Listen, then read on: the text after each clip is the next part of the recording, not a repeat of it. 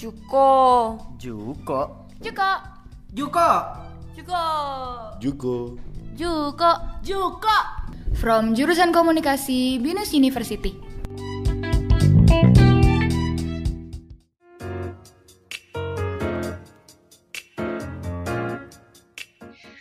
Listener, selamat datang di podcast obrolan Juko jurusan komunikasi Binus. Balik lagi di Opsius, obrolan serius. Dan hari ini aku Cahya, aku akan berbincang-bincang bersama narasumber yang gak kalah luar biasa dari episode-episode sebelumnya. Nah, perbincangan kita kali ini adalah mengenai mengapa hoax dipercaya. Nah, kalau misalnya kita bahas nih tentang perkembangan teknologi yang semakin meningkat, terus informasi yang semakin membludak di media sosial sehingga masyarakat itu jadi sulit gitu kan membedakan mana berita hoax dan berita fakta. Di sini udah ada Mas Heru selaku uh, redaksi pelaksana kompas.com. Kita akan berbincang-bincang bersama Mas Heru. Halo Mas Heru. Halo, selamat siang Cahya. Halo. Putrinda Zaid. Ih, waduh. Baik, ya, Mas alhamdulillah. Oke, alhamdulillah baik. Mas Heru, boleh diceritakan sedikit dong uh, kesibukan Mas Heru saat ini tuh uh, lagi sibuk apa aja sih di pandemi ini? Saya sibuk bekerja, tapi bekerjanya Iya. dari rumah. Jadi sejak pandemi, sejak Jokowi mengumumkan kerja dari rumah, beribadah Iya. dari rumah, lalu apa dari rumah satu lagi itu ya. eh, saya di rumah. Kompas.com kantornya kosong, jadi eh, semua orang bekerja dari rumah satu setengah tahun lebih ini ya. 100% kalau redaksinya, redaksinya eh, 100% dari rumah. Oh, berarti kalau di. Kompas. Ya, kalau di kompas.com 100% ya? 100% iya. Oke. Eh, redaksi ya redaksi tapi ada fungsi-fungsi yang nggak bisa juga dari rumah tuh ada bagian keuangan ada yang video ada HRD mereka masih bergantian datang ke kantor tapi kalau redaksi eh, editor eh, semuanya dari rumah Oke, berarti benar-benar semua full kerja di rumah karena mungkin uh, kalau kompas.com sendiri kan memang pekerjaannya di apa secara online juga ya Mas untuk media online ya. betul. Oke, nah kalau boleh tahu nih Mas Heru udah berapa lama sih kerja di kompas.com? saya bergabung di kompas.com itu tanggal 3 Juli 2020 2020. eh 2020 3 Juli 2000 Wow, aduh aku baru lahir loh Mas itu. saya kamu Aku baru lahir. Halo, nama Aduh, saya gua ngerasa Nora, tua jadi. 2019, jurusan Communication Department muda kok kalau kita lihat aja ya Mas Erwin itu masih muda banget loh listener ini nomor satu ternyata udah lama. terutama public relations. Nomor satu berapa? Hai saya Adeline berusia 2019 dari Communication Department Binus saya memilih jurusan komunikasi di Binus karena saya merasa passion saya memang sudah di sini. Dan reputasi Communication Department Binus terkenal sudah sangat baik. berarti udah saya karena buat kuliah di sini. Tahun ya Mas ya iya kalau saya 2019 wow berarti Bekerja itu di bidang termasuk komunikasi merupakan salah satu panjang banget ya Mas saya. Mas Heru tuh belum bosan Makanya, berarti saya ya memilih jadi Communication. Department Binus University. Eh, jadi ini kan gini saya apa namanya eh, cuma ada dua jenis pekerjaan di dunia Sistem belajar di sini juga mudah kok untuk satu diikuti. wartawan Apalagi dan dua yang oleh lainnya dosen-dosen yang bukan hanya Jadi- akademisi tapi juga praktisi yang sudah sangat jadi berpengalaman. nggak kerasa karena Dan asik banget gitu ya dunianya menyenangkan Mahasiswa juga dapat melatih soft skill-nya dengan bergabung di berbagai organisasi mahasiswa seperti Hima Tapi mungkin memang mengasihkan ya Mas ya baru, bekerja lebih sebagai semangat dalam wartawan. berkuliah. Oke. banget banget asik banget Nah kalau kalau ngomongin masalah asik nih sebagai wartawan boleh dong Mas ceritain sedikit apa sih yang membuat sebagai, eh, 2013, apa karir sebagai wartawan itu gue bingung sih ya yang lulus uh, tahun 2013 karir yang Kenapa? membuat asik itu sebenarnya uh, bukan hanya wartawan tapi binus, itu setiap profesi adalah, yang kita passion uh, di dalam itu adalah salah satu kampus entah yang jadi pegawai negeri entah jadi guru entah jadi dosen entah jadi pedagang gitu ya. kalau kita passion itu pasti asik banget dan setiap orang pasti punya alasan subjektif kenapa itu menjadi asik karena itu passion nah kalau di Halo, aku sangat menyenangkan eh, karena aku tak menulis lalu kemudian sangat diperkenankan kan? terlibat dalam informasi-informasi terbaru saya dinamika banget terbaru dan yang paling karena saya melihat komunikasi itu dunia itu dinamis banget dan seru banget. Jadinya itu saya tertarik buat memperdalam nggak cuma secara dilihatnya aja tapi pengen tahu sih gimana teorinya dan gimana sih cara praktiknya biar biar bisa jadi komunikator yang eh, bisa menginspirasi. Nah kalau kita ngomongin masalah kalau kita melihat kan sekarang banget pasti gitu. apalagi Mas Heru kan eh, udah kan gue ngambil tahun bekerja di bisnis, media. dan, eh, Pasti ada aja perbedaan dan perubahan bisa dibilang terjadi. aktif, Kalau Mas Heru eh, sendiri di melihat media saat ini jadi seperti banyak banget banyak banget pelajaran atau ilmu yang pertanyaannya semua samudra. gue Seperti apa? ya? ya itu gitu. Jadi bukan bukan lagi menjadi Eh, beda ya dengan dengan dulu ya. bingung lagi harus. Dulu media itu adalah gue udah dapet bekal eh, itu dari kelompok yang sebelum-sebelumnya memiliki sih. Jadi eh, sampai sekarang ini gue cuma tinggal terus mengasah. terhadap publik. Artinya Jadi publik itu ini hanya benar-benar, tahu benar-benar, informasi eh, dari media. sangat amat kan? menarik sih buat Dan saya media digunakan oleh banyak di orang karena saya tuh di binus itu nggak karena cuma diajarin privilege. secara teori tapi saya Tapi hari ini media sebenarnya udah kehilangan atau Itu- tergerus ya. itu benar-benar udah punya tergerus privileginya karena sumber-sumber informasi ada dari media. Hmm. Masyarakat juga menyediakan Kuliah di Komunikasi Binus, lain dengan media sosial. Orang bahkan pertama kali dapat informasi bukan dari media, tapi dari media sosial. Coba deh, eh, kamu tanya temanmu atau barangkali aku nggak tahu ya, kan tanya siapa ya. Tapi aku setiap tahun selalu mengadakan tes. Aku tuh nggak aku ngajar. Aku ngajar di Universitas Bakri di apa eh, di jurnalistik. Setiap pelajaran aku selalu tanya ke mahasiswaku. Aku pasang foto, aku pasang foto tentang isu yang lagi ramai pada minggu itu. Hmm. Kemudian aku tanya, kalian tahu nggak ini berita tentang apa? Oh tahu mas, cerita. Wah mereka bisa cerita, cerita gini gini gini gini. Kemudian aku tanya, taunya dari mana? Tidak ada satupun yang menyebut media. Tidak ada satupun yang menyebut brand media. Eh, tiga tahun lalu kali ya, kalau tiga tahun atau empat tahun lalu eh, yang dominan itu mahasiswa menyebut dari Line Today, Line Today, Line Today. Iya, iya. Padahal Line Today itu adalah agregator. Hmm. Jadi Line Today itu kan agregator yang mengumpulkan berita-berita dari media. Lalu aku tanya, taunya dari mana Line Today? Medianya apa? Mereka nggak bisa jawab. Kalau sekarang satu dua tahun belakangan ini, ketika aku tanya ini tahu informasi dari mana? Dari Instagram. Tapi media apa? Mereka nggak bisa ngomong. Instagram itu akun siapa? Lalu eh, brandnya apa? Mereka nggak bisa. Nah, situasinya jadi jadi sangat berbeda gitu ya. Disseminasi informasi eh, berlangsung demikian eh, berbeda antara dulu sama sekarang. Oke, mungkin kalau misalnya eh, ditanya dapat informasi dari mana? Dari WhatsApp grup, grup keluarga kali ya? Eh, bisa jadi juga tuh ya, ada juga tuh eh, dari WhatsApp grup keluarga. Nah itu tuh sering banget sih terjadi. Aku pun pribadi eh, apa ya melihat kalau aku masuk ke WhatsApp grup keluarga tuh pasti banyak banget informasi yang diberikan, tapi nggak jelas gitu sumbernya dari mana. Mungkin Mas Heru juga punya pengalaman yang sama, ya kan Mas Heru? Iya banyak banget Eh, Hmm. di WhatsApp grup itu juga salah satu sumber apa sumber eh, tempat di mana informasi tidak benar beredar. Nah, Dan hmm, WhatsApp grup itu juga menjadi tempat favorit untuk kampanye-kampanye politik, mengubah apa ya operasi-operasi mengubah opini itu juga mempertimbangkan eh, WhatsApp grup dan itu dilakukan dengan sangat intens.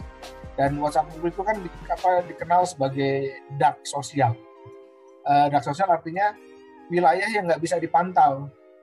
Kalau informasi yang beredar di Twitter, di Facebook, eh, itu kita bisa pantau bahkan ada banyak apa ya konsultan media gitu ya atau konsultan komunikasi yang bisa menganalisa ini dari Twitter sumbernya dari sini terjadi polarisasi antara kelompok ini dengan akun ini ini itu hmm, ketahuan bisa dianalisa ya bisa dianalisis Eh, Twitter, Facebook, Instagram itu bisa dianalisis karena data-datanya terbuka.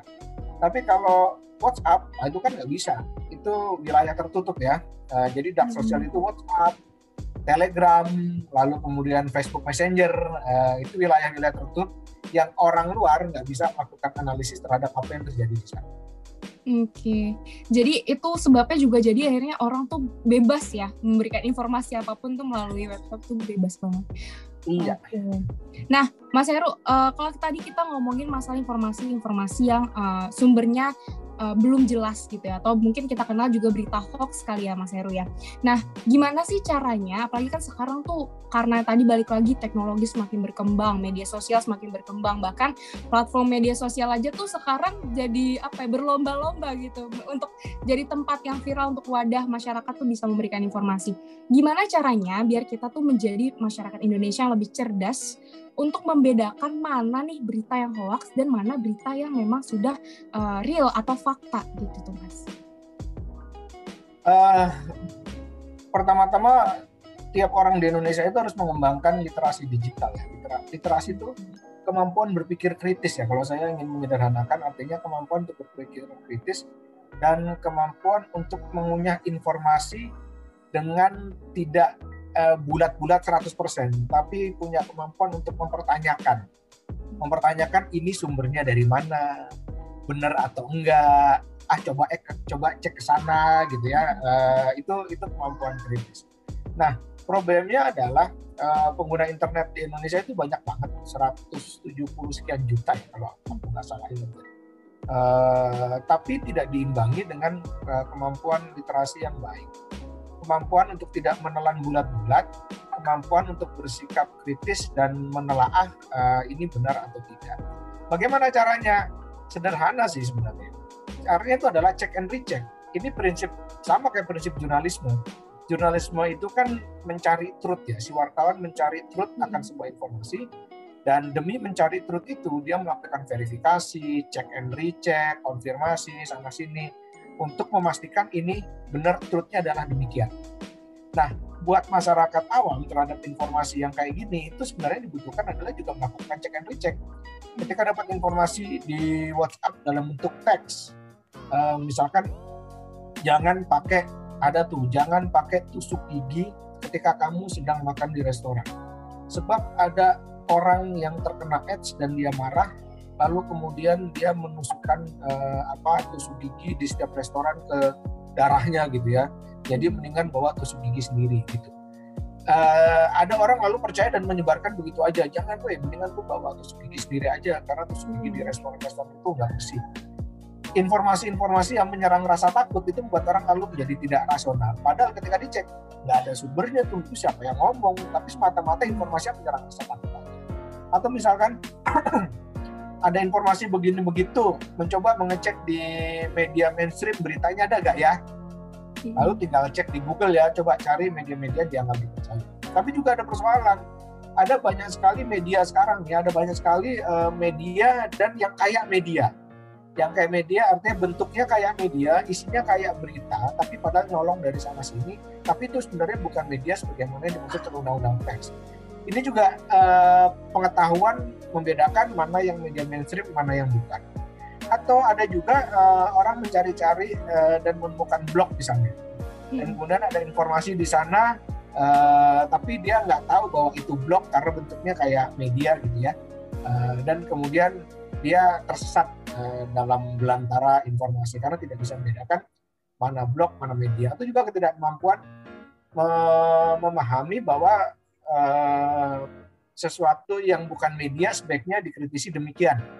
Kalau kita ketemu media, kita lihat dulu, ini medianya kayak gimana. Lalu berita-beritanya kayak gimana, patut dipercaya atau tidak. Melakukan audit terhadap sumber-sumber informasi. Jadi ada banyak sih sebenarnya yang bisa kita lakukan, tapi prinsipnya adalah lakukan check and recheck tentang informasi yang didapat benar atau tidak dengan buka sana sini. Karena sekarang kan ada Google ya sekarang ada ada internet orang bisa mencari informasi apa pun tinggal melakukan uh, check and recheck di sana. Termasuk misalkan melakukan pengecekan terhadap foto. Ada foto beredar dengan narasi demikian. Gimana kita cara ngeceknya? Ada video beredar dengan narasi demikian. Bagaimana kita ngeceknya? Uh, kayak kayak gitu uh, apa namanya perlu dilakukan Oke, berarti memang sebenarnya masyarakat tuh perlu adanya literasi digital ya Mas dan harus uh, melakukan check and recheck dulu ya sebelum kita uh, menerima secara 100% gitu dari informasi yang ada. Oke, nah kalau tadi kan kita melihat pembahasan uh, jawaban dari Mas Heru nih uh, bahwa seperti lihat bahwa tuh sebenarnya media tuh juga menjadi acuan ya, apalagi media mainstream ya sebagai acuan masyarakat. Nah kalau aku boleh tahu nih dari uh, mungkin Mas Heru sendiri kan dari kompas.com ada nggak sih media mainstream ini strategi-strategi khusus atau tahapan-tahapan yang perlu dilakukan sebelum uh, berita itu dipublikasi gitu biar akhirnya media mainstream pun juga tidak menyebarkan berita hoax gitu. Ini sebenarnya prinsip umum dalam jurnalisme. Jadi jurnalisme kan kerja-kerja mencari berita di lapangan, memilah-milah, menulis lalu mempublikasikan. Dan yang dipublikasikan itu kan harus truth jadi uh, saya mahasiswa Vkom atau jurnalistik bukan? Iya, aku jurnalistik kebetulan jurnalisme uh, jurnalis broadcasting. sama jurnalis broadcasting. Jadi ada buku jurnalistik yang yang biasanya selalu disebut-sebut orang tuh pernah dengar gak 10 eh, 9 elemen jurnalisme. 9 elemen jurnalisme karangannya Bill Kovacs sama Tom Rosenfield. Yang nomor satu eh, apa dia bilang loyalitas eh, apa kewajiban jurnalisme itu adalah pada kebenaran. Jadi Hmm. apa truth itu ya. Eh, dan loyalitasnya kepada masyarakat. Yang kedua, loyalitasnya jurnalisme itu kepada masyarakat, kewajibannya pada kebenaran, sementara disiplin yang dilakukannya adalah verifikasi. Demi apa? Demi truth. Kenapa harus truth? Karena loyalitasnya kepada masyarakat. Artinya, dengan kata jurnalisme pada dirinya sendiri itu tersimpan tanggung jawab untuk mempublikasikan sesuatu yang benar, bukan yang tidak benar. Oleh karena itu, cara-cara yang dilakukan oleh jurnalisme demi mendapatkan truth atau kebenaran itu, dan ini prinsip umum eh, dalam jurnalistik, verifikasi, konfirmasi, check and recheck, double check, gitu ya, cover both side, independen, eh, itu prinsip-prinsip untuk mendapatkan, untuk menjaga supaya yang dihasilkan itu adalah truth. Maka setiap wartawan ketika mendapatkan informasi ini begitu, ini begono, ini dan seterusnya, yang perlu dilakukan adalah cek. Nah, problemnya memang hari ini ada banyak eh, media-media yang terjerumus ya, terjerumus pada informasi-informasi yang menyesatkan, bukannya menjadi clearing house atau apa menjernihkan eh, menjernihkan informasi, tapi malah mengamplifikasi ketidakbenaran. Konten-konten di media sosial, tapi sekarang udah udah banyak kesadaran muncul eh, di teman-teman media tentang soal-soal ini. Konten-konten yang bertebaran di media sosial itu eh, gini, hari ini adalah hari di mana kita dibombardir oleh banjir informasi. Hmm. Jadi tidak ada yang orang tidak tahu lagi lah hari ini. Itu beda dengan zaman dulu ketika media sosial belum ada ya. Tapi problemnya adalah kita nggak tahu informasi yang benar dan nggak benar tuh apa, kayak gimana gitu kan, karena banjir informasi di media sosial. Nah, tugasnya tugasnya jurnalisme, tugasnya media-media mainstream itu adalah menjernihkan informasi itu, me- mengklirkan informasi itu untuk menyampaikan kebenaran kepada publik. Apa yang dilakukan persis yang tadi aku bilang itu tentang check and recheck dan segala macamnya itu prinsip-prinsip jurnalisme untuk mendapatkan seperti itu sehingga tahapan tahapan-tahapannya eh, pada jurnalisme ya check and recheck apa verifikasi eh, cover both side eh, seperti itu independen itu demi menjaga kebenaran. Oke, berarti kalau di masa pandemi seperti ini tuh apa sih tantangan yang dirasakan gitu, Eh, terutama untuk eh, mungkin yang pekerja-pekerja seperti Mas Heru yang suka bikin artikel di media sosial tuh tantangan terbesarnya tuh apa sih Mas? Tantangan terbesarnya tidak bisa ke lapangan. Jadi eh, ada banyak informasi beredar sekarang itu eh, perjumpaan-perjumpaan virtual. Jadi pertemuan-pertemuan virtual. Eh, misalkan ada kebijakan pemerintah disampaikan secara virtual atau ada kejadian apa disampaikan secara virtual dan wartawan di tempat itu juga sangat berhati-hati menimbang dengan sangat untuk turun ke lapangan. Nah, repotnya ketika itu dilakukan virtual sebagai wartawan kita nggak bisa melihat langsung atau menangkap langsung dengan panca indera kita. Padahal ketika kita berada di lapangan dalam sebuah kejadian atau dalam sebuah peristiwa, eh, kehadiran dan kemudian mendapatkan kesan subjektif dengan perasaan, dengan penglihatan, dengan pendengaran itu sangat penting untuk merekonstruksi cerita sehingga cerita bisa menjadi kaya, perspektif yang kita bangun juga bisa menjadi eh, lebih beragam gitu ya. Nah, ini berbeda banget dengan apa dengan perjumpaan-perjumpaan virtual itu kerasa banget sih eh, kering gitu ya tulisan-tulisan kita Iya. atau kita tuh jadi kerasa kering karena nuansa-nuansa yang real karena perjumpaan eh, fisik itu tidak ada. Oke, nah eh, berarti memang bener-bener tuh selama pandemi ini tuh tantangannya besar banget ya mas, apalagi untuk eh, jurnalis eh, jurnalis-jurnalis di Indonesia juga. Nah kalau boleh tahu eh, kan media mainstream ini kan sebagai acuan juga ya kan, gimana sih caranya media mainstream itu bisa meningkatkan eh, kepercayaan masyarakat gitu terhadap media mainstream tersebut? Karena kalau misalnya kita lihat memang eh, berita hoax pun juga ada akhirnya yang diambil tuh dari sumber-sumber media-media besar gitu kan. Jadi akhirnya banyak juga nih masyarakat yang jadi ah aku udah nggak percaya lagi deh sama media A misalnya gitu. Gimana sih caranya uh, atau strateginya gitu media tuh bisa meningkatkan kepercayaan masyarakat? dengan menjaga kredibilitas beritanya. dengan menjaga truth yang tadi aku sebut tadi. tuh. Eh, jadi apa eh, substansinya adalah pada truth. Pemberitaan itu substansinya pada pada truth. Dan kredibilitas itu harus dijaga. Tapi soal hoax itu gampang aja kok orang mau, apa namanya menggunakan judul media mainstream ini katanya dari kompas.com dan kami berapa kali kejadian itu Eh, ini kompas.com demikian secara teknis gampang banget mengubah berita di halaman media ya katakanlah kompas.com ada berita isinya A. Lalu kemudian diubah judulnya jadi B dan kemudian disebarkan. Aku nggak butuh waktu banyak-banyak aku hanya butuh waktu lima menit untuk melakukan itu itu gampang banget. Dan itu udah banyak kejadian Eh, nama kita dicatut menurut kompas.com beritanya gini-gini padahal nggak benar. Nah itu pentingnya eh, apa pentingnya si siapa namanya netizen ya untuk juga melakukan cek and recheck. Jadi ketika mendapatkan kabar katanya eh, berita kompas.com demikian dilihat itu tanggal berapa hari apa jam berapa lalu cek ke situsnya kompas.com cari indeks beritanya ada nggak berita itu? Atau catatan-catatan juga sering kali di Twitter. Nama-nama yang prominen tokoh-tokoh publik itu dicatut namanya isi tweetnya palsu. Nah kemudian yang harus dilakukan cek benar nggak pada tanggal itu hari itu yang bersangkutan mengeluarkan tweet ini. Jadi cek and recheck itu penting banget tidak hanya buat eh, tidak hanya buat wartawan ya tapi buat netizen hari ini yang dikepung oleh banjir informasi untuk menemukan eh, informasi yang benar itu supaya dia tidak tersesat dalam belantaran informasi yang banyak itu. Oke, nah kalau misalnya kan disuruh check and recheck nih mas, mungkin nggak semua masyarakat tuh eh, apa ya mampu gitu melakukan check and recheck gitu kan karena juga nggak mudah. Nah mungkin Mas Heru sendiri punya tips tersendiri nggak sih untuk orang-orang awam yang eh, biar mereka tuh jadinya eh, ayo check and recheck dong gitu harus cari tahu dan lain sebagainya jangan bermalas-malasan tuh ada tips sendiri nggak sih Mas Heru? Ada dua situs yang bisa jadi rujukan. Oke, Pertama cekfakta.com. cekfakta.com. Cekfakta.com.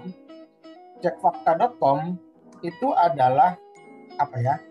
Eh, cekfakta.com itu kumpulan kerja-kerja fact checking yang dilakukan oleh media mainstream di Indonesia dan dikumpulkan di situ. Jadi gini Hmm. ceritanya. Eh, ada banyak media di Indonesia yang sekarang ini memiliki tim cek fakta. Ada media Indonesia yang memiliki tim cek fakta. Mereka secara rutin itu mencari informasi yang beredar di media sosial dan kemudian melakukan cek fakta dan memberi stempel ini hoax, ini fakta atau ada informasi yang perlu diklarifikasi atau diluruskan. Nah, seluruh kerja-kerja cek fakta ini itu diterbitkan di medianya masing-masing, tapi kemudian dikumpulkan, dikumpulkan di halamannya cek fakta. Dan kalau seandainya apa ya kita mau ngecek informasi, datang aja ke cekfakta.com, di situ ada kolom pencarian, lalu search aja misalkan tentang apa vaksin menyebabkan kematian, ketik aja di halaman cek fakta itu vaksin menyebabkan kematian nanti lihat eh, ada nggak eh, klarifikasi eh, dari tim cek fakta atas informasi itu. Itu yang pertama. Yang kedua, turnbackhoax.id. Turnback hoax, eh, T U R N B A C K hoax H O A X dot .id. Nah, kalau ini dikerjakan oleh kelompok masyarakat sipil nih. Ini bukan kerjanya teman-teman wartawan. Ini dikerjakan oleh teman-teman Mavindo. Pernah dengar gak Mavindo? Masyarakat Anti Fitnah Indonesia. Masyarakat Anti Fitnah Indonesia ini kelompok masyarakat sipil, netizen yang punya perhatian terhadap informasi yang menyesatkan, lalu mereka mendibang sendiri informasi-informasi yang menyesatkan ini. Oke. Nah, Eh, itu mirip kerjanya sama kerjanya apa teman-teman media. Teman-teman di Mavindo kemudian bekerja sama dengan teman-teman di wartawan di media eh, yang tergabung di AJI namanya Aliansi Jurnalis Jurnalis Independen. independen, oke. Independen ya. Pernah dengar ya AJI ya? Pernah, pernah.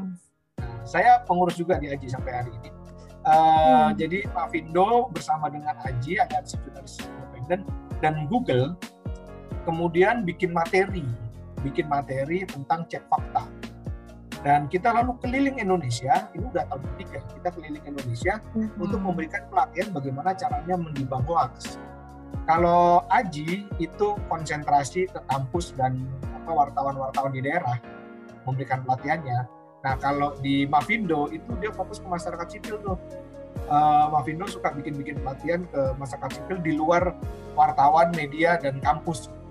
Hmm. Nah eh, ini cara kami menyebarkan, cara kami menyebarkan teknik-teknik untuk menimbang hoax. Lalu kalau ditanya apa yang dilakukan, tekniknya tidak tidak susah sebenarnya apa gampang. Tapi daripada pusing, yang paling sederhana bisa dilakukan pergi aja ke cekfakta.com atau ke turnbackhoax.id lalu cari informasi yang pengen diklarifikasi di sana itu apa database-nya tuh ada ribuan. Oh, ternyata memang sudah ada website tersendiri ya, Mas ya. Jadi biar Ada. masyarakat nggak susah gitu ya mencari mana yang Betul. hoax mana yang nggak. Oke. Nah, kalau boleh tahu nih tadi Mas Heri itu kan eh, apa di Aji tuh kalau boleh tahu udah berapa lama tuh Mas? Di Aliansi Jurnalis Independen. Saya anggota aja dari tahun berapa ya? 2000 saya lupa 2010 atau 2012.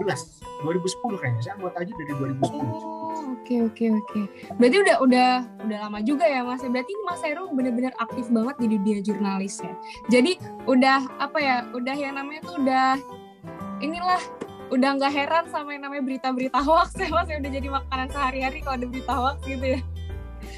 Oke. Nah, Mas Heru eh, mungkin aku pengen nanya juga kira-kira kalau dari eh, apa peran generasi muda sekarang nih mungkin Mas Heru punya eh, apa punya pesan tersendiri gitu untuk kita. Aku kan termasuk generasi muda juga nih Mas Gen Z gitu kan. Aku, juga Gimana? generasi oh iya bener ya Mas Heru juga generasi muda ya. Aku lupa. Oke nah gimana sih caranya nih eh, biar aku sebagai generasi muda sama Mas Heru yang masih generasi muda nih bisa eh, apa namanya bisa mengelola atau eh, bantu mengelola eh, hoax-hoax gitu sih Mas gimana caranya biar kita tuh bisa mengelola hoax jadi kita juga bisa membantu nih gitu sebagai generasi muda sederhana sih. Jaga jempolmu. Jaga jempolmu untuk tidak reaktif eh, share gitu ya. Dapat informasi apa share gitu. iya benar Eh, kadang-kadang gini, orang-orang yang menyebarkan informasi ini itu sering kali merasa punya apa ya? Ketika menyebar informasi itu ada perasaan bangga atau ada perasaan apa? Oh ini informasi gue sebar dari gue loh gitu.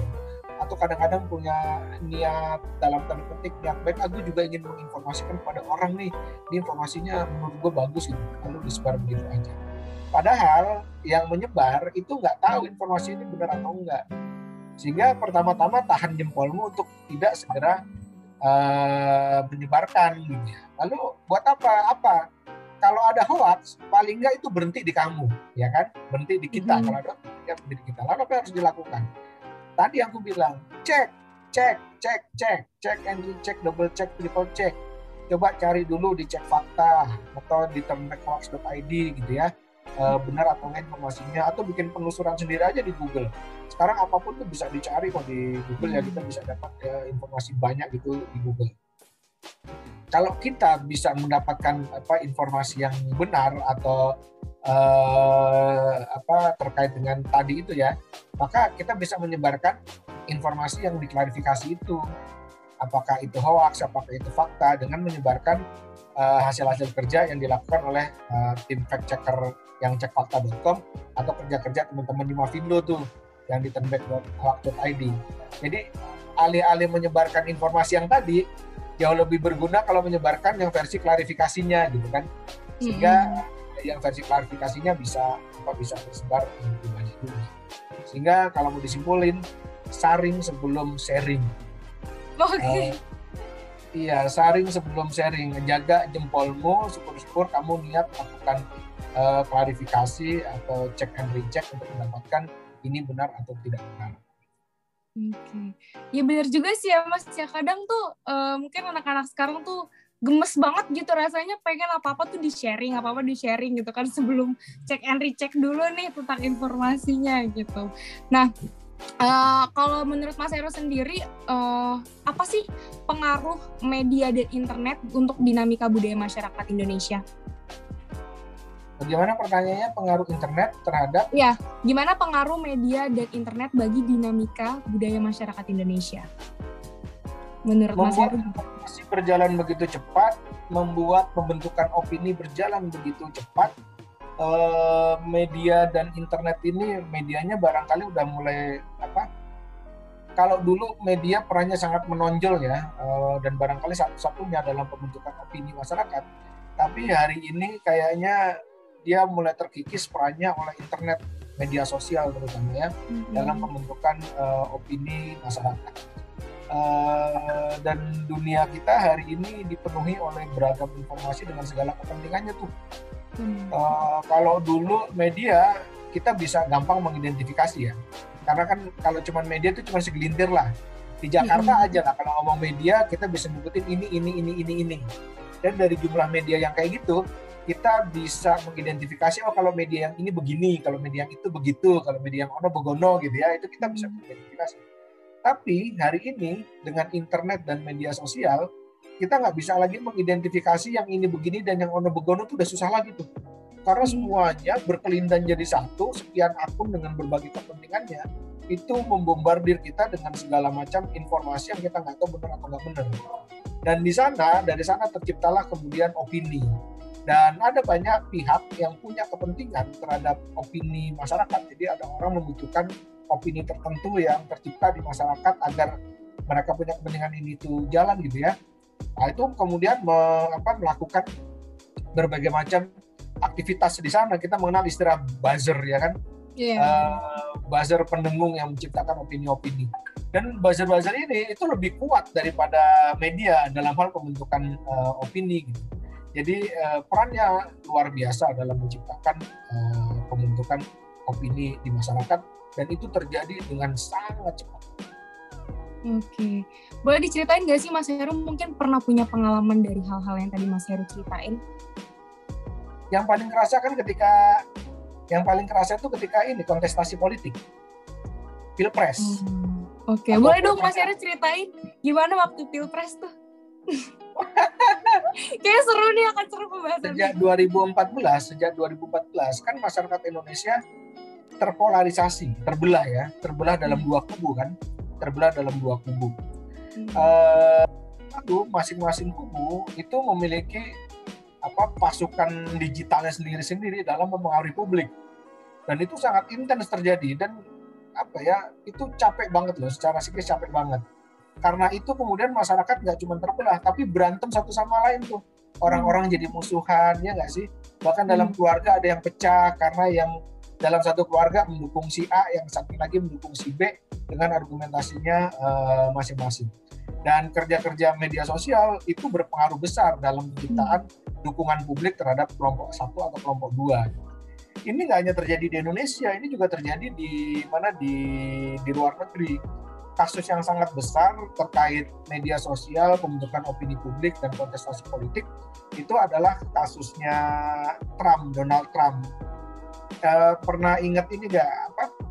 Britannica apa tuh namanya? Analytical Analytica aduh aku lupa namanya. Britannica Analytica ya kalau nggak salah aku lupa namanya tuh. Hmm. Eh, British Analytica atau apa? Lupa.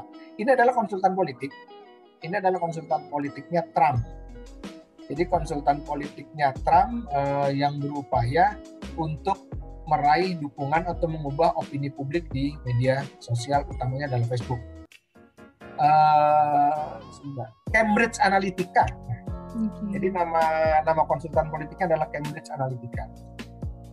Eh, wah ini gue ceritanya bisa jadi panjang nih. Oh, Mas Heru. cerita aja. Iya jadi ngoceh aja gue ya.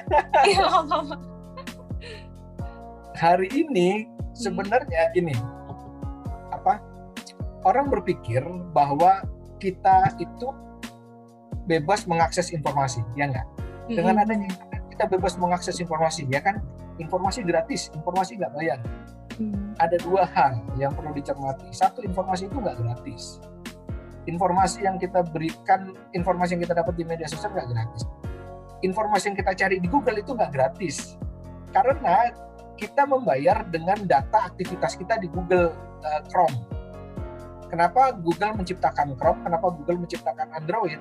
Supaya Google bisa mendapatkan data dari seluruh orang di dunia tentang aktivitas mereka itu yang disebut big data dan big data itu kemudian diolah uh, menjadi algoritma eh, menjadi algoritma sehingga kemudian orang mendapatkan informasi sesuai dengan algoritma itu. Sehingga masalah kedua adalah kita sebenarnya nggak bebas karena informasi yang kita dapat di timeline media sosial kita itu informasi yang udah diatur oleh kode-kode algoritma. Eh, coba misalkan gini deh, kamu buka YouTube, lalu temanmu buka YouTube, pasti isi halaman depan YouTube-mu dan YouTube temanmu berbeda. Beda, iya benar. Karena disesuaikan dengan aktivitasmu. Itu Iya. adalah algoritma. Sama dengan informasi yang kita dapat. Nah, dalam konteks Cambridge Analytica itu eh, di Facebook, Facebook itu kan juga berjalan dengan algoritma. Informasi yang kita terima di Facebook itu juga berdasarkan algoritma. Nah, berdasarkan algoritma itu kemudian bisa diidentifikasi tuh mana pendukungnya Trump, mana pendukungnya Hillary Clinton. Lalu kemudian terjadilah operasi intelijen besar-besaran di dunia digital eh, terhadap para pendukungnya Hillary Clinton dengan menyebarkan informasi-informasi yang apa eh, sesuai kepentingan ya, sehingga terjadi perpindahan eh, dukungan dari Hillary ke Trump. Hmm. Pada waktu itu menjelang apa menjelang akhir pemilihan eh, itu sudah diduga sebenarnya Hillary itu ah Hillary ini kuat nih bakal menang gitu dan dunia kemudian terkejut ketika yang menang adalah Trump dan belakangan diketahui salah satu kontribusi dari pandangan itu adalah kerja-kerja pasukan digitalnya Cambridge Analytica orang mendapatkan informasi yang banyak banyak mendapatkan informasi yang tidak benar. Dan waktu itu orang mengkritik eh, apa algoritmanya Facebook. Sampai kemudian Facebook kan mengubah algoritmanya gara-gara apa yang terjadi eh, di situ. Boleh dibilang bahwa Cambridge Analytica ini semacam konsultan buzzer. Dan Hmm. cara-cara ini kemudian terjadi juga di Indonesia. Pilkada Jakarta. Dulu Hmm. rame-rame pertama pilkada Jakarta tuh. Pilkada Jakarta 2012 kalau nggak salah. Lalu berlanjut dengan pilpres 2014 Eh, lalu kemudian 2000 berapa eh, 19 ada pilpres lagi. Petarungnya sama juga dua orang masyarakat terbelah lagi. Itu juga nggak lepas dari pertarungan-pertarungan eh, buzzer-buzzer orang-orang yang berusaha me- mempengaruhi opini publik atau menciptakan cara pandang baru atau mereka ingin mengubah cara pandang dari netizen lewat kerja-kerja digital ini kan jadi panjang kan gua ngecapnya kan Gak apa-apa Pak Seru kan ini kita santai aja gitu ngobrolnya jadi gak apa-apa panjang-panjang. Berarti kalau ngomongin masalah buzzer nih sebenarnya yang bisa mengubah opini publik nih uh, belum tentu apa yang diinformasikan juga benar gitu kan ya Mas. Jadi uh, otomatis akhirnya orang uh, beropini yang salah gitu kan. Padahal karena informasi yang dia terima. Iya, iya. Uh-uh. Dan repotnya Nah, kemudian yang terjadi, repotnya kemudian hari ini kan juga adalah uh, saat ketika orang mengamini sebuah kebenaran bukan berdasarkan fakta-fakta empirik, tapi orang mengamini kebenaran berdasarkan apa yang dia yakini sebagai benar atau salah. Jadi kebenaran kebenaran itu tidak didasarkan dari fakta ya, tidak didasarkan uh, berdasarkan fakta, tapi berdasarkan keyakinan. Jadi misalnya nih, aku punya keyakinan vaksin itu tidak benar.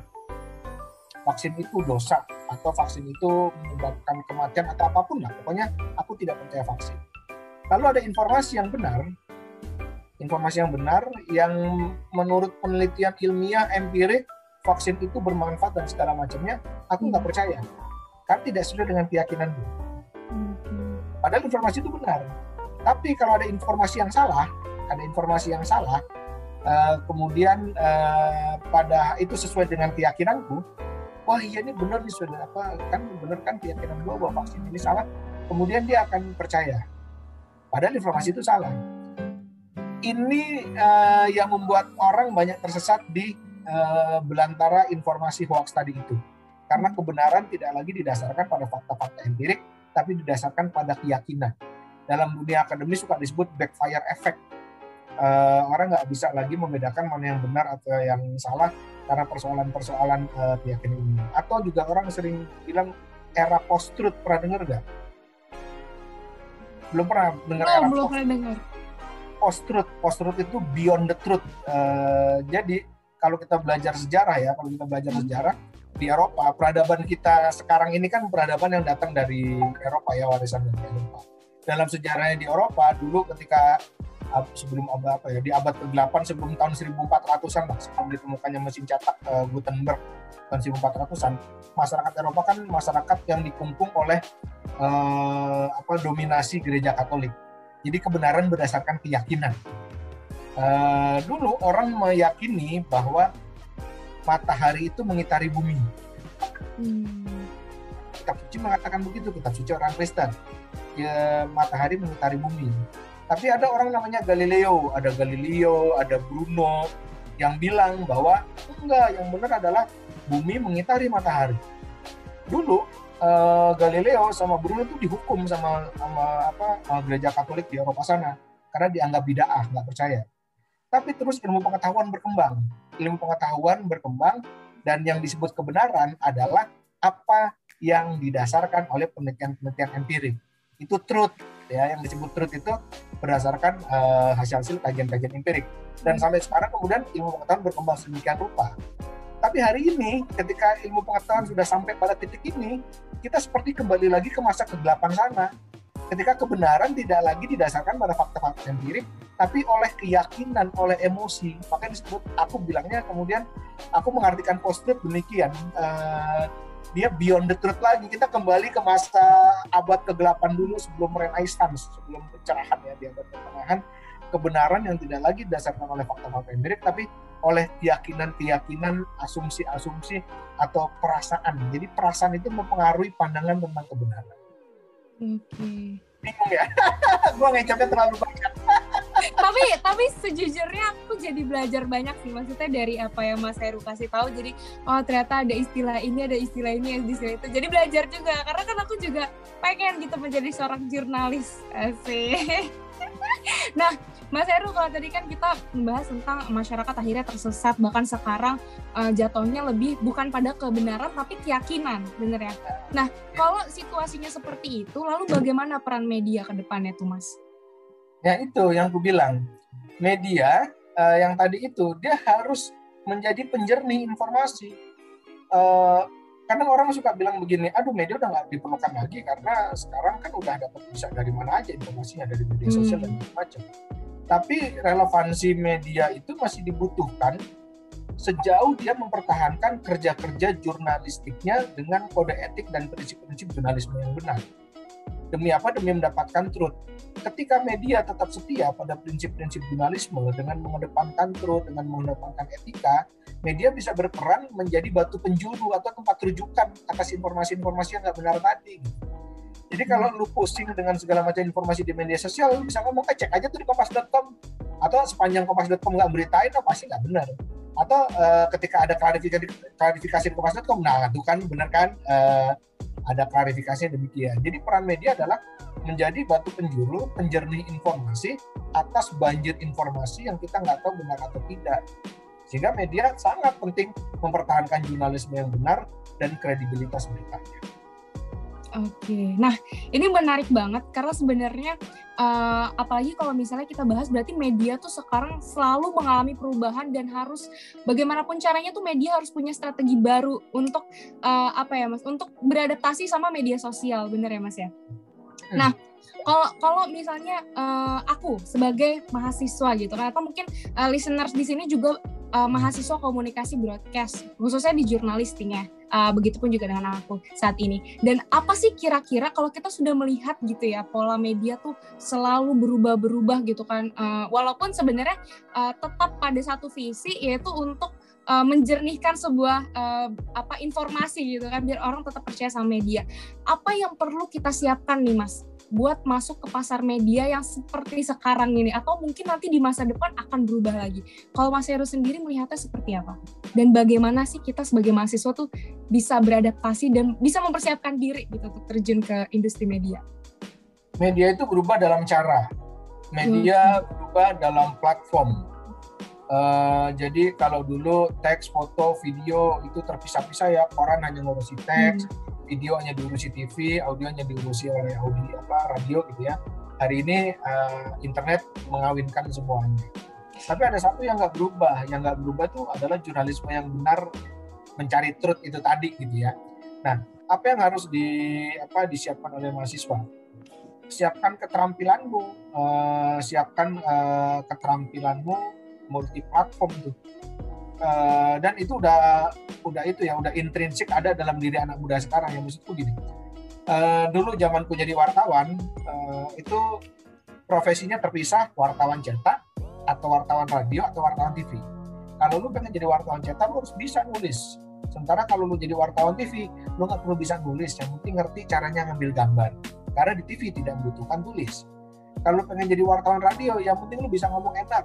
Gimana caranya public speaking yang oke, punya suara yang oke, lu nggak butuh nulis, nggak perlu ngambil video juga. Gitu. Tapi hari ini nggak berlaku tuh pemisahan-pemisahan kayak gitu. Uh, hari ini ketika orang bekerja di media, ya artinya dia bekerja di media digital. TV masuk ke digital, koran masuk ke digital, yeah. radio juga masuk ke digital. Sehingga keterampilan-keterampilan semua platform media itu harus dia kuasai dengan benar gitu ya. Skillnya harus dia kuasai. Dan pengalamanku anak-anak muda sekarang itu dengan sendirinya menguasai platform-platform itu, menguasai multi skill itu ya. Ada banyak wartawan baru di kompas.com itu udah dengan sendirinya ngerti bagaimana cara bikin video, mereka juga bisa nulis uh, dan seterusnya. Kemudian yang kedua, kembangkan pengetahuan tuh, kembangkan pengetahuan uh, hari ini generasi sekarang ya generasi sekarang cenderung generasi visual ya. Sementara generasiku yang jadul ini uh, apa generasi baca gitu. Jadi uh, generasi sekarang tuh nggak suka baca tapi sukanya nonton. Tapi hmm. apa pun caranya, apakah membaca atau nonton, perkayalah informasi di kepalamu. Karena itu akan sangat berguna ketika kita nanti jadi wartawan. Semakin banyak informasi yang kita punya, yang kita miliki, itu juga akan mengembangkan daya kritis kita. Juga mengembangkan literasi kita gitu. Sehingga apa yang kita punya di kepala dan skill yang kita miliki secara praktis, itu akan sangat berguna untuk masuk ke industri media. Wow, oke. Jadi memang sebenarnya banyak banget hal yang perlu kita pelajari untuk depannya. Karena kita nggak tahu nanti uh, di masa depan tuh media akan seperti apa ya, Mas. Ya mungkin caranya akan berubah. Tapi kalau dari Mas Heru sendiri melihat kira-kira media di masa depan tuh akan seperti apa, udah kebayang belum tuh, Mas? Nggak tahu. Nggak tahu. Perubahan terjadi begitu cepat. Uh, perubahan terjadi begitu cepat, dinamikanya demikian cepat. Uh, aku sampai berada pada titik kita nggak bisa memprediksi apa yang akan terjadi lima tahun ke depan. Nggak tahu. Uh, bisa bersiap-siap untuk tahun satu tahun ke depan aja tuh udah oke okay banget gitu. Tapi untuk dua tiga tahun nggak uh, bisa. Itu dunianya ini dunia kita hari ini tuh cepat sekali uh, dinamikanya, perubahan-perubahan cepat banget. Hmm. Jadi aku nggak tahu ke depan nanti media akan jadi kayak gitu. Nah, tapi ada kemungkinan gak sih Mas, apakah di masa depan nanti ya, media itu sudah tidak terlalu dibutuhkan lagi atau gimana? Karena dulu nih Mas, kalau Mas Heru mungkin masih ingat ada namanya citizen jurnalis ya Mas ya dulu ya. Nah, dari dari munculnya citizen jurnalis itu kan akhirnya uh, apa menimbulkan statement kayak oh iya nanti media udah nggak dibutuhin lagi atau uh, jurnalis sudah nggak dibutuhin lagi gitu kan saat ini udah ada citizen jurnalis gitu kan orang-orang bebas memberikan informasi kalau tanggapan dari Mas Heru sendiri gimana? Itu tadi yang kayak aku bilang. Uh, jadi hari ini setiap orang bisa memproduksi informasi apa pun. Karena media sosial, karena internet, orang bisa terhubung uh, kapan saja dan orang bisa posting apa saja. Tapi kan itu tadi persoalannya aku bilang. Ketika setiap orang bisa menyebarkan informasi apa pun, persis pada saat yang bersamaan, orang yang lain tidak tahu apakah yang disebarkan itu benar atau tidak. Kadang-kadang yang disebarkan bukan apa yang dia lihat, tapi apa yang dikatakan orang. Ini gue dapat dari temen gue, gue taruh aja di IG, gue taruh aja di Twitter, gue, gue posting juga di apa eh, di Facebook gitu ya. Uh, jadi diseminasi informasi itu langsung seketika gitu. Tapi yang tadi aku katakan problemnya kita jadi nggak tahu juga mana yang benar dan mana yang nggak benar. Nah, pada bagian ini media menurutku diperlukan pada bagian ini media tetap dibutuhkan uh, untuk menampilkan berita-berita yang kredibel, untuk menjadi clearing house, untuk menjadi batu penjuru, untuk menjadi rujukan. Oleh karena itu tidak bisa ditawar bahwa media harus memiliki integritas, bahwa media harus mempraktikkan jurnalisme yang benar, sehingga yang ditampilkan di media memang benar-benar adalah uh, truth yang dibutuhkan oleh masyarakat. Jadi kalau ditanya apakah media dibutuhkan atau enggak, aku berkeyakinan media seharusnya masih dibutuhkan sepanjang dia mampu mempertahankan integritasnya. Wow, oke jadi ini benar-benar perbincangan yang menarik kalau misalnya kita simpulkan dari awal ternyata memang uh, apa kita tuh harus bisa uh, jadi masyarakat yang melakukan riset dulu ya Mas ya. Jadi kalau ada informasi yang masuk tuh harus pinter-pinter riset, cari tahu dulu sedalam-dalamnya ini ini tuh informasinya bener atau enggak. Tapi untuk masyarakat masyarakat yang mungkin males gitu ya Mas ya untuk riset, tadi ada namanya cek eh, cek fakta sama satu lagi apa Mas? Fakta.com dan turnbackhoax.id. turnbackhoax.id. Nah mungkin listeners juga kalau misalnya eh, nanti, aduh males banget deh riset-riset susah ya, udah langsung aja datang ke website cekfakta.com sama turnbackhoax.id. Terus juga kalau misalnya dari sisi media sendiri, memang em, media ini tuh harus bisa eh, membuat informasi yang jernih gitu ya Mas ya. Jadi menjernihkan informasi yang ada, bahkan meluruskan ya Mas ya bahasanya ya. Meluruskan informasi yang ada biar akhirnya masyarakat tuh tidak salah paham atau tidak termakan dengan adanya hoax-hoax. Dan sebenarnya kalau kalau dibil- kalau misalnya kita membahas apakah media ma- di masa depan masih dibutuhkan, masih dibutuhkan ya Mas. ya. Iya. Media pasti masih dibutuhkan karena sampai kapan pun eh, tadi Mas bilang selama eh, informasi itu selama informasi itu masih perlu diluruskan ya Mas ya. Masih perlu banyak yang diluruskan maka media di situ sangat dibutuhkan. Peran media itu besar sekali. Jadi kalau misalnya listeners eh, menganggap kayak aduh kayak media atau jurnalis sudah nggak dibutuhkan lagi deh. Masih guys, masih dibutuhkan ya. Walaupun di era konvergensi sekarang sampai nanti di masa depan lima tahun ke depan pasti masih dibutuhkan. Terus kalau dari sisi eh, mahasiswa sendiri ya Mas, berarti apa aja yang perlu kita siapkan adalah eh, yang pertama ya kita harus eh, apa memperkaya ilmu ya Mas ya, memperkaya ilmu, memperkaya informasi. Walaupun sekarang tuh kita generasinya generasi visual ya, tapi sebenarnya membaca itu bagus kan ya Mas ya? Membaca tuh sebenarnya lebih bagus ya sih. Mungkin saya nggak valid ngomong gini karena saya dari generasi pembaca. Buat generasi kalian yang bukan generasi pembaca, mungkin ah, enggak, gua juga oke-oke aja nggak baca gitu. Tapi Nah. buat saya yang generasi pembaca, oke banget karena saya eh, apa mendapatkan banyak informasi dan mendapatkan berbagai macam apa, pengetahuan dari membaca gitu. Karena Benar. juga kan pada zaman saya tidak tersedia informasi-informasi yang bisa ditonton. Tapi kalau Benar. hari ini informasi itu ditonton, tidak dibaca. Benar-benar. Karena sekarang informasi itu udah ditonton, tidak dibaca ya Mas. Bahkan sekarang koran aja bener-bener udah nggak ada ya Mas Heru ya. Masih ada sih, masih ada. Tapi tapi nggak sebanyak dulu. Ah, nggak Iya. Karena orang nggak membutuhkan, Iya. eh, demand-nya berkurang sehingga supply-nya juga berkurang. Dulu kan kelihatan banyak di mana-mana karena demand-nya banyak, sehingga supply-nya juga banyak. Tapi hari Hmm. ini demand-nya sedikit, ya supply-nya dikit. Benar, benar banget. Nah mungkin itu juga jadi eh, salah satu poin juga nih untuk mahasiswa-mahasiswa yang mungkin tertarik untuk terjun ke dunia media, di mana mahasiswa itu juga bisa membaca kira-kira media itu ke depannya akan dibawa ke mana gitu ya Mas ya. Kira-kira nih ke depannya media masa nih harus seperti apa sih gitu. Karena kalau sekarang ya Mas ya ngomongin masalah eh, kita ingin terjun ke industri media, pasti yang ditanyakan tuh bukan pengalaman lagi nggak sih Mas, tapi apa yang ingin kamu bawa ke eh, masa depan gitu. Intinya ke beberapa tahun ke depan kamu ingin membawa media ini ke mana gitu. Bener nggak sih Mas Heru? Eh, kalau orang pengen masuk ke media, pertanyaan pertama atau yang ingin dilihat oleh perusahaan yang merekrut adalah eh, keterampilan dia. Oke. seberapa bagus skillnya, Eh, seberapa bagus dia bisa menulis, seberapa ngerti dia tentang video, seberapa ngerti dia tentang media sosial, seberapa engage dia dengan informasi-informasi terkini gitu. Jadi dia harus update dengan situasi terkini, bisa ngerti duduk persoalannya, bagaimana dia, bagaimana dia bisa memahami eh, sebuah persoalan eh, dengan baik dan benar, dan kemudian Hmm. eh, bagaimana dia bisa menghasilkan karya-karya atau laporan-laporan eh, jurnalistik terkait dengan menulis, dia ngerti foto, video, gitu-gitu. Jadi yang dilihat adalah skill dan Keterampilan, eh, keterampilan dan wawasan yang dia punya. wawasan yang luas. Wow, oke. Wah Mas Heru benar-benar seru banget pembahasan kita kali ini tentang hoax. Jadi tapi sebenarnya kita membahasnya jadi secara luas juga ya Mas ya dari segi medianya sendiri seperti apa, segi dari sisi masyarakatnya sendiri harus seperti apa untuk menanggapi perihal hoax. Oke Mas Heru, terima kasih banyak atas waktunya udah mau nyempetin nih berbincang-bincang sama aku di obrolan Juko. Kita nggak berasa sih Mas, ini udah hampir satu jam. Ya, Tadi Mas wah kebanyakan ngomong ini.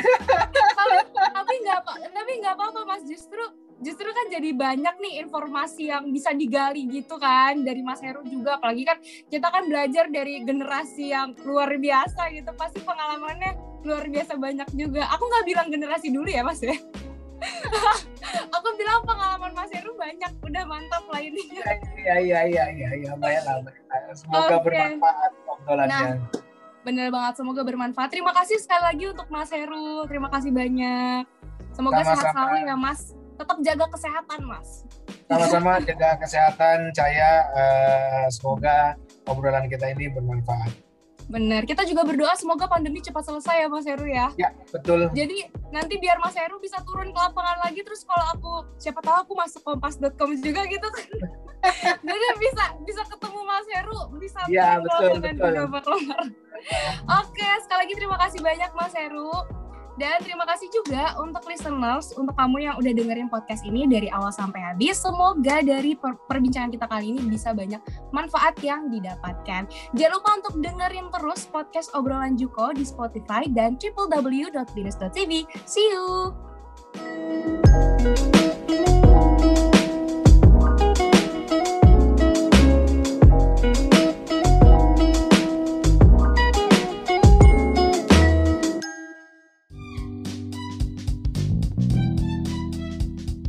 From jurusan komunikasi Binus University.